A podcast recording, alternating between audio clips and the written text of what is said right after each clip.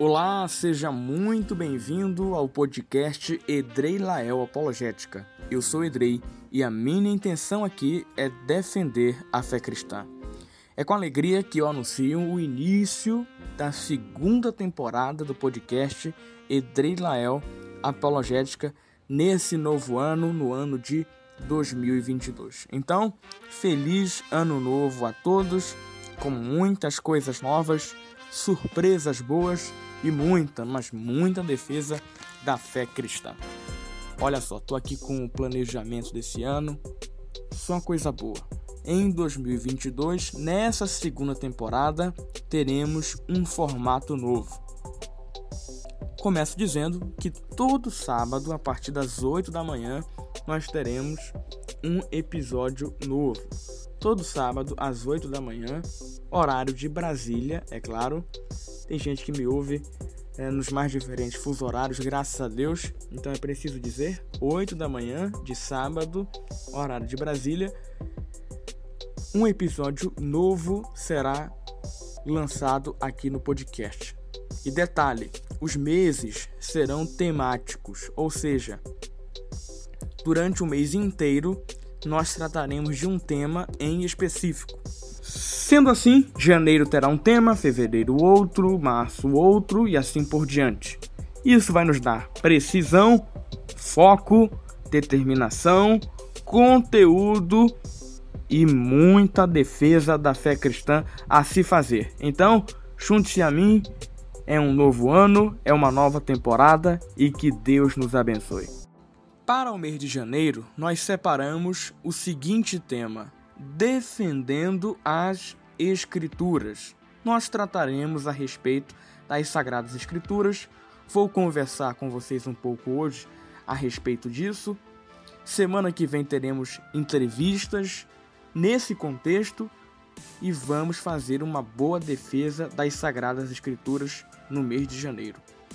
Hoje quero conversar com vocês a respeito da seguinte questão: Por que a Bíblia é sagrada? Bem, todos nós chamamos a Bíblia de Bíblia Sagrada. Geralmente levamos à igreja a Bíblia Sagrada. Vamos à livraria e compramos um exemplar da Bíblia Sagrada. Mas por que será que chamamos a Bíblia de sagrada? Essa é a questão. Por que a Bíblia é sagrada?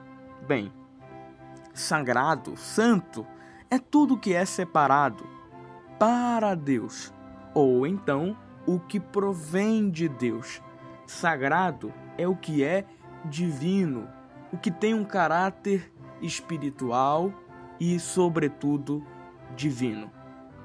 Logo, quando falamos que a Bíblia é sagrada, ela deve ter a ver com alguma coisa que vem de Deus. Melhor do que isso, melhor do que isso. Todos os cristãos acreditam que a Bíblia é a palavra de Deus. Sendo assim, falamos que a Bíblia é sagrada porque acreditamos que ela é a palavra de Deus. Logo, se a Bíblia é sagrada, então os textos que ela contém não são quaisquer textos. Os livros que ela possui não são quaisquer livros, mas são escritos que provêm do próprio Deus se comunicando para com o ser humano. Vale lembrar que essa comunicação entre Deus e o homem se dá através da revelação. E nós separamos a revelação em dois tipos. Existe a revelação geral e a revelação especial. A revelação geral diz respeito àquela que é possível deduzir a partir da natureza criada. É, na verdade, a criação revelando, demonstrando, apresentando o Criador. O Salmo 19 diz: Os céus manifestam a glória de Deus, e o firmamento anuncia as obras das suas mãos. Romanos, capítulo 1, versículo 20, nos diz que os atributos de Deus podem ser conhecidos através da criação. Mas essa revelação geral não nos diz nada a respeito da pessoa encarnada de Jesus Cristo. Não nos diz nada em específico a respeito da morte e da ressurreição de Jesus, da expiação dos nossos pecados e da concessão de vida eterna que essa expiação nos trouxe. Nada disso pode ser conhecido através da revelação geral. Sendo assim, é necessário que haja uma revelação especial providenciada por Deus para o ser humano. E essa revelação especial está na pessoa de Jesus Cristo, que é a palavra de Deus viva. É quando Cristo vem ao mundo que essa revelação especial é consumada. Mas para que ele viesse, Deus precisava preparar o terreno para a chegada de Cristo na terra. E a chegada de Cristo na terra precisa de um contexto histórico e de um contexto espiritual que será concedido pela nação de Israel e pela relação que Deus terá com a nação de Israel.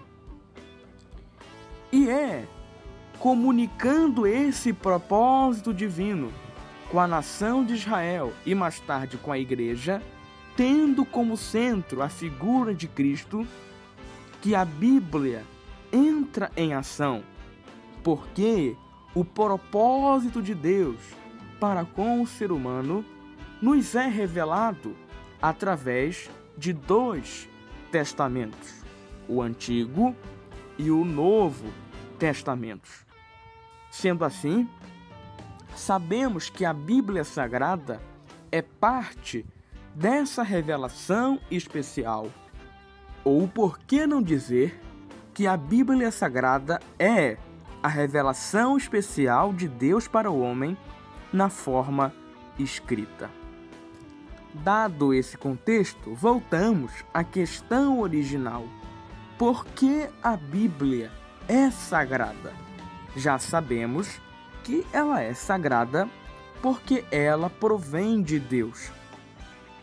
E essa é a doutrina da inspiração divina das Escrituras. Doutrina esta que nos é afirmada pelo apóstolo Paulo em 2 Timóteo capítulo 3 e versículo 16. Toda a escritura é inspirada por Deus e útil para o ensino, para a repreensão, para a correção e para a instrução na justiça, para que o homem de Deus seja apto e plenamente preparado para toda boa obra. Então o apóstolo está afirmando que a Escritura é inspirada por Deus. A Escritura provém de Deus. O sentido no original grego é que a Escritura é assoprada por Deus, vem do sopro de Deus. Toda Escritura é inspirada. O doutor William Lane Craig chama atenção para o fato de que o texto está dizendo que o que é inspirado é, na verdade, o texto da Escritura, e não como muitos pensam, os autores do texto. Mas é, na verdade, o produto dos autores é que é inspirado. É claro que, como nos já afirmou Norman Geisler, esses escritores escreveram de forma livre. Mas, como Deus pode usar os seres humanos através de suas livres ações, e Deus sabia que naquelas condições em específico, através do seu conhecimento médio, aqueles seres humanos livremente se deixariam guiar pelo Espírito Santo. Então, com as próprias palavras deles, Deus permitiu que eles comunicassem os seus propósitos. Sendo assim, não há nenhuma inconsistência entre o fato de que existem marcas humanas no texto e, ao mesmo tempo, o texto ser inspirado. É porque os autores livremente se deixaram ser guiados pelo Espírito Santo, de modo que, quando escreviam com suas próprias mãos o texto sagrado, estavam, na verdade, sendo guiados pelo Espírito Santo. Nesse sentido, a inspiração que está no texto, de alguma forma, precisa da cooperação livre dos autores. Deve ser por isso que, como eu disse anteriormente, muitos gostam de afirmar que os autores são inspirados. Embora já saibamos que o texto em si é que nos tra transmite as informações inspiradas, não é de todo um engano dizer que os autores têm participação nisso. Aliás, o texto da segunda epístola de Pedro, no capítulo 1 e versículo de número 21 diz assim: Pois jamais a profecia teve origem na vontade humana, mas homens falaram da parte de Deus, impelidos pelo Espírito Santo. O versículo 20, que é anterior ao 21, diz assim: Antes de mais nada, saibam que nenhuma profecia da Escritura provém de interpretação pessoal. Aí sim vem o 21 que eu já li. Pois jamais a profecia teve origem na vontade humana, mas homens falaram da parte de Deus, impelidos pelo Espírito Santo. Então, os autores foram impelidos pelo Espírito Santo e falaram da parte de Deus. Logo, essa inspiração que está no texto também tem uma participação pessoal daqueles que se deixaram ser guiados pelo Espírito Santo para escreverem as palavras exatas.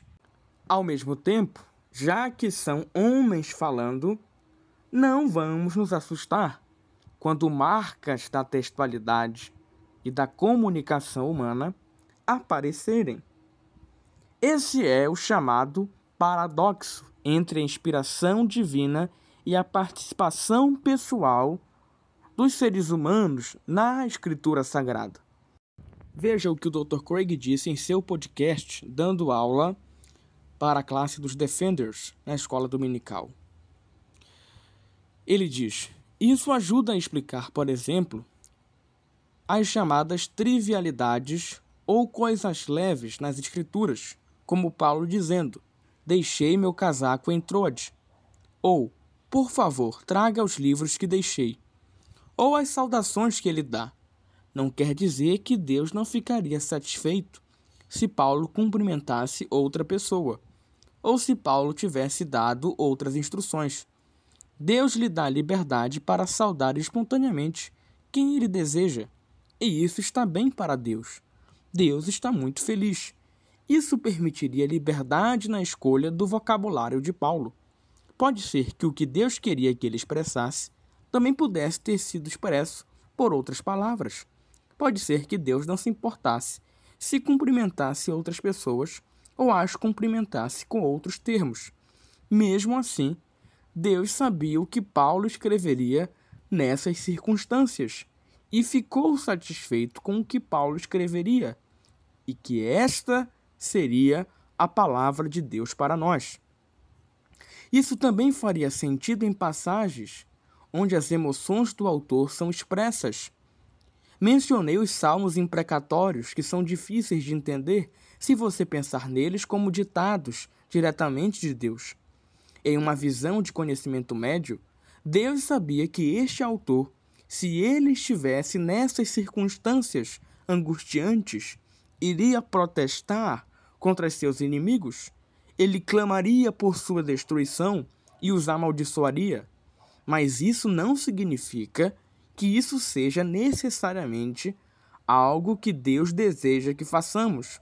Pode ser que o propósito de Deus, ao permitir que o autor expresse essas emoções, seja nos dizer: você pode trazer suas dúvidas e sua raiva e suas emoções para mim.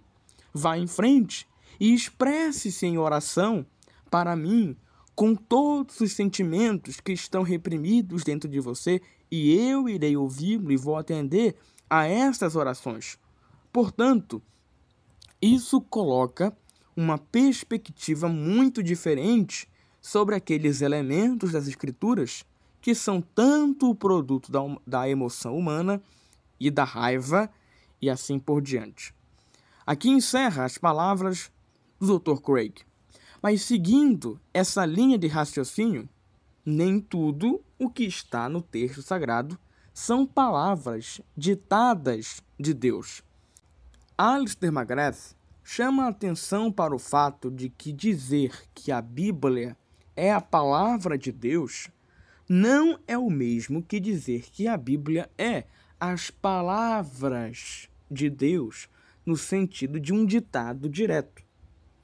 Veja, por exemplo, os textos históricos são, na verdade, histórias que contam a respeito dos reis e dos homens e mulheres influentes na história de Israel. Mas, como eu disse anteriormente, a nação de Israel e sua preparação para receber o Cristo é algo muito importante para que entendamos o propósito de Deus como um todo. E mesmo textos históricos que não são ditados diretos de Deus, são palavra de Deus quando eles nos comunicam questões espirituais importantes. Vocês devem estar lembrados de Mateus capítulo 12, quando Jesus usou textos históricos do Antigo Testamento para respaldarem as ações de seus discípulos e para fazer uma afirmação espiritual sobre si mesmo. Mateus capítulo 12 diz: Naquela ocasião, Jesus passou pelas lavouras de cereal no sábado. Seus discípulos estavam com fome e começaram a colher espigas para comê-las. Os fariseus, vendo aquilo, lhe disseram: Olha, os teus discípulos estão fazendo o que não é permitido no sábado. Ele respondeu: Vocês não leram o que fez Davi quando ele e seus companheiros estavam com fome? Ele entrou na casa de Deus e, junto com seus companheiros, comeu os pães da presença, o que não lhes era permitido fazer, mas apenas sacerdotes. Ou vocês não leram na lei que no sábado os sacerdotes no templo profanam esse dia e contudo ficam sem culpa? Eu lhes digo que aqui está o que é maior do que o templo. Portanto, aqui Jesus faz uma afirmação sobre si mesmo e, ademais, isenta os discípulos de culpa utilizando textos históricos do Antigo Testamento, que não eram ditados diretos de Deus, mas continham informações suficientes para que Jesus considerasse aquele texto autoritativo e como palavra de Deus. Isso porque a história narrada na Bíblia é importante para que façamos deduções espirituais do que podemos ou não fazer, para que entendamos o desenrolar do propósito de Deus, juntamente com a atuação do povo de Israel, seus momentos de obediência e desobediência, e assim então ter uma informação mais completa a respeito do plano de Deus para a humanidade e a respeito de questões importantes, como esta, na qual Jesus esteve juntamente com seus discípulos. Para concluir, já que estamos falando a respeito da sacralidade do texto da Bíblia, então precisamos nos lembrar de que se esses textos são sagrados, porque são inspirados. Então, deve haver uma separação entre os textos comuns e os textos sagrados. E deve haver um critério, um padrão, para que se separe o texto comum do texto sagrado. E é justamente na compilação desse texto sagrado que vai surgir o cânon da Bíblia Sagrada. Temple nos diz a respeito da palavra cânon. Essa palavra é uma forma latina da palavra canon, que no grego significa cana. Tratava-se de uma planta usada de várias maneiras para medir e pautar. Assim sendo, o termo passou a significar regra ou pauta, e mais tarde uma lista de coisas ou itens escritos em uma coluna. O vocábulo canon, por extensão, passou a significar regra ou padrão quando falamos sobre o cânon das Escrituras, e neste caso o Antigo Testamento, referimos-nos à lista de livros aceitos pela Igreja e, em geral, como livros que foram escritos sob a inspiração divina, os quais, por isso mesmo, são usados como regra de fé e da experiência prática da religião cristã. Numa análise do cânon do Novo Testamento, é mistério examinarmos o desenvolvimento da autoridade e da aceitação dos 27 livros que hoje em dia são reputados canônicos. Mas hoje ficamos por aqui. No sábado 15, nós falaremos um pouco mais a respeito do cânon bíblico, do Antigo e do Novo Testamentos, bem como falaremos a respeito da inerrância bíblica. Para lembrar, Hoje falamos sobre a sacralidade e a inspiração divina da Bíblia Sagrada. Foi um prazer falar com vocês. Fiquem com Deus e até a próxima.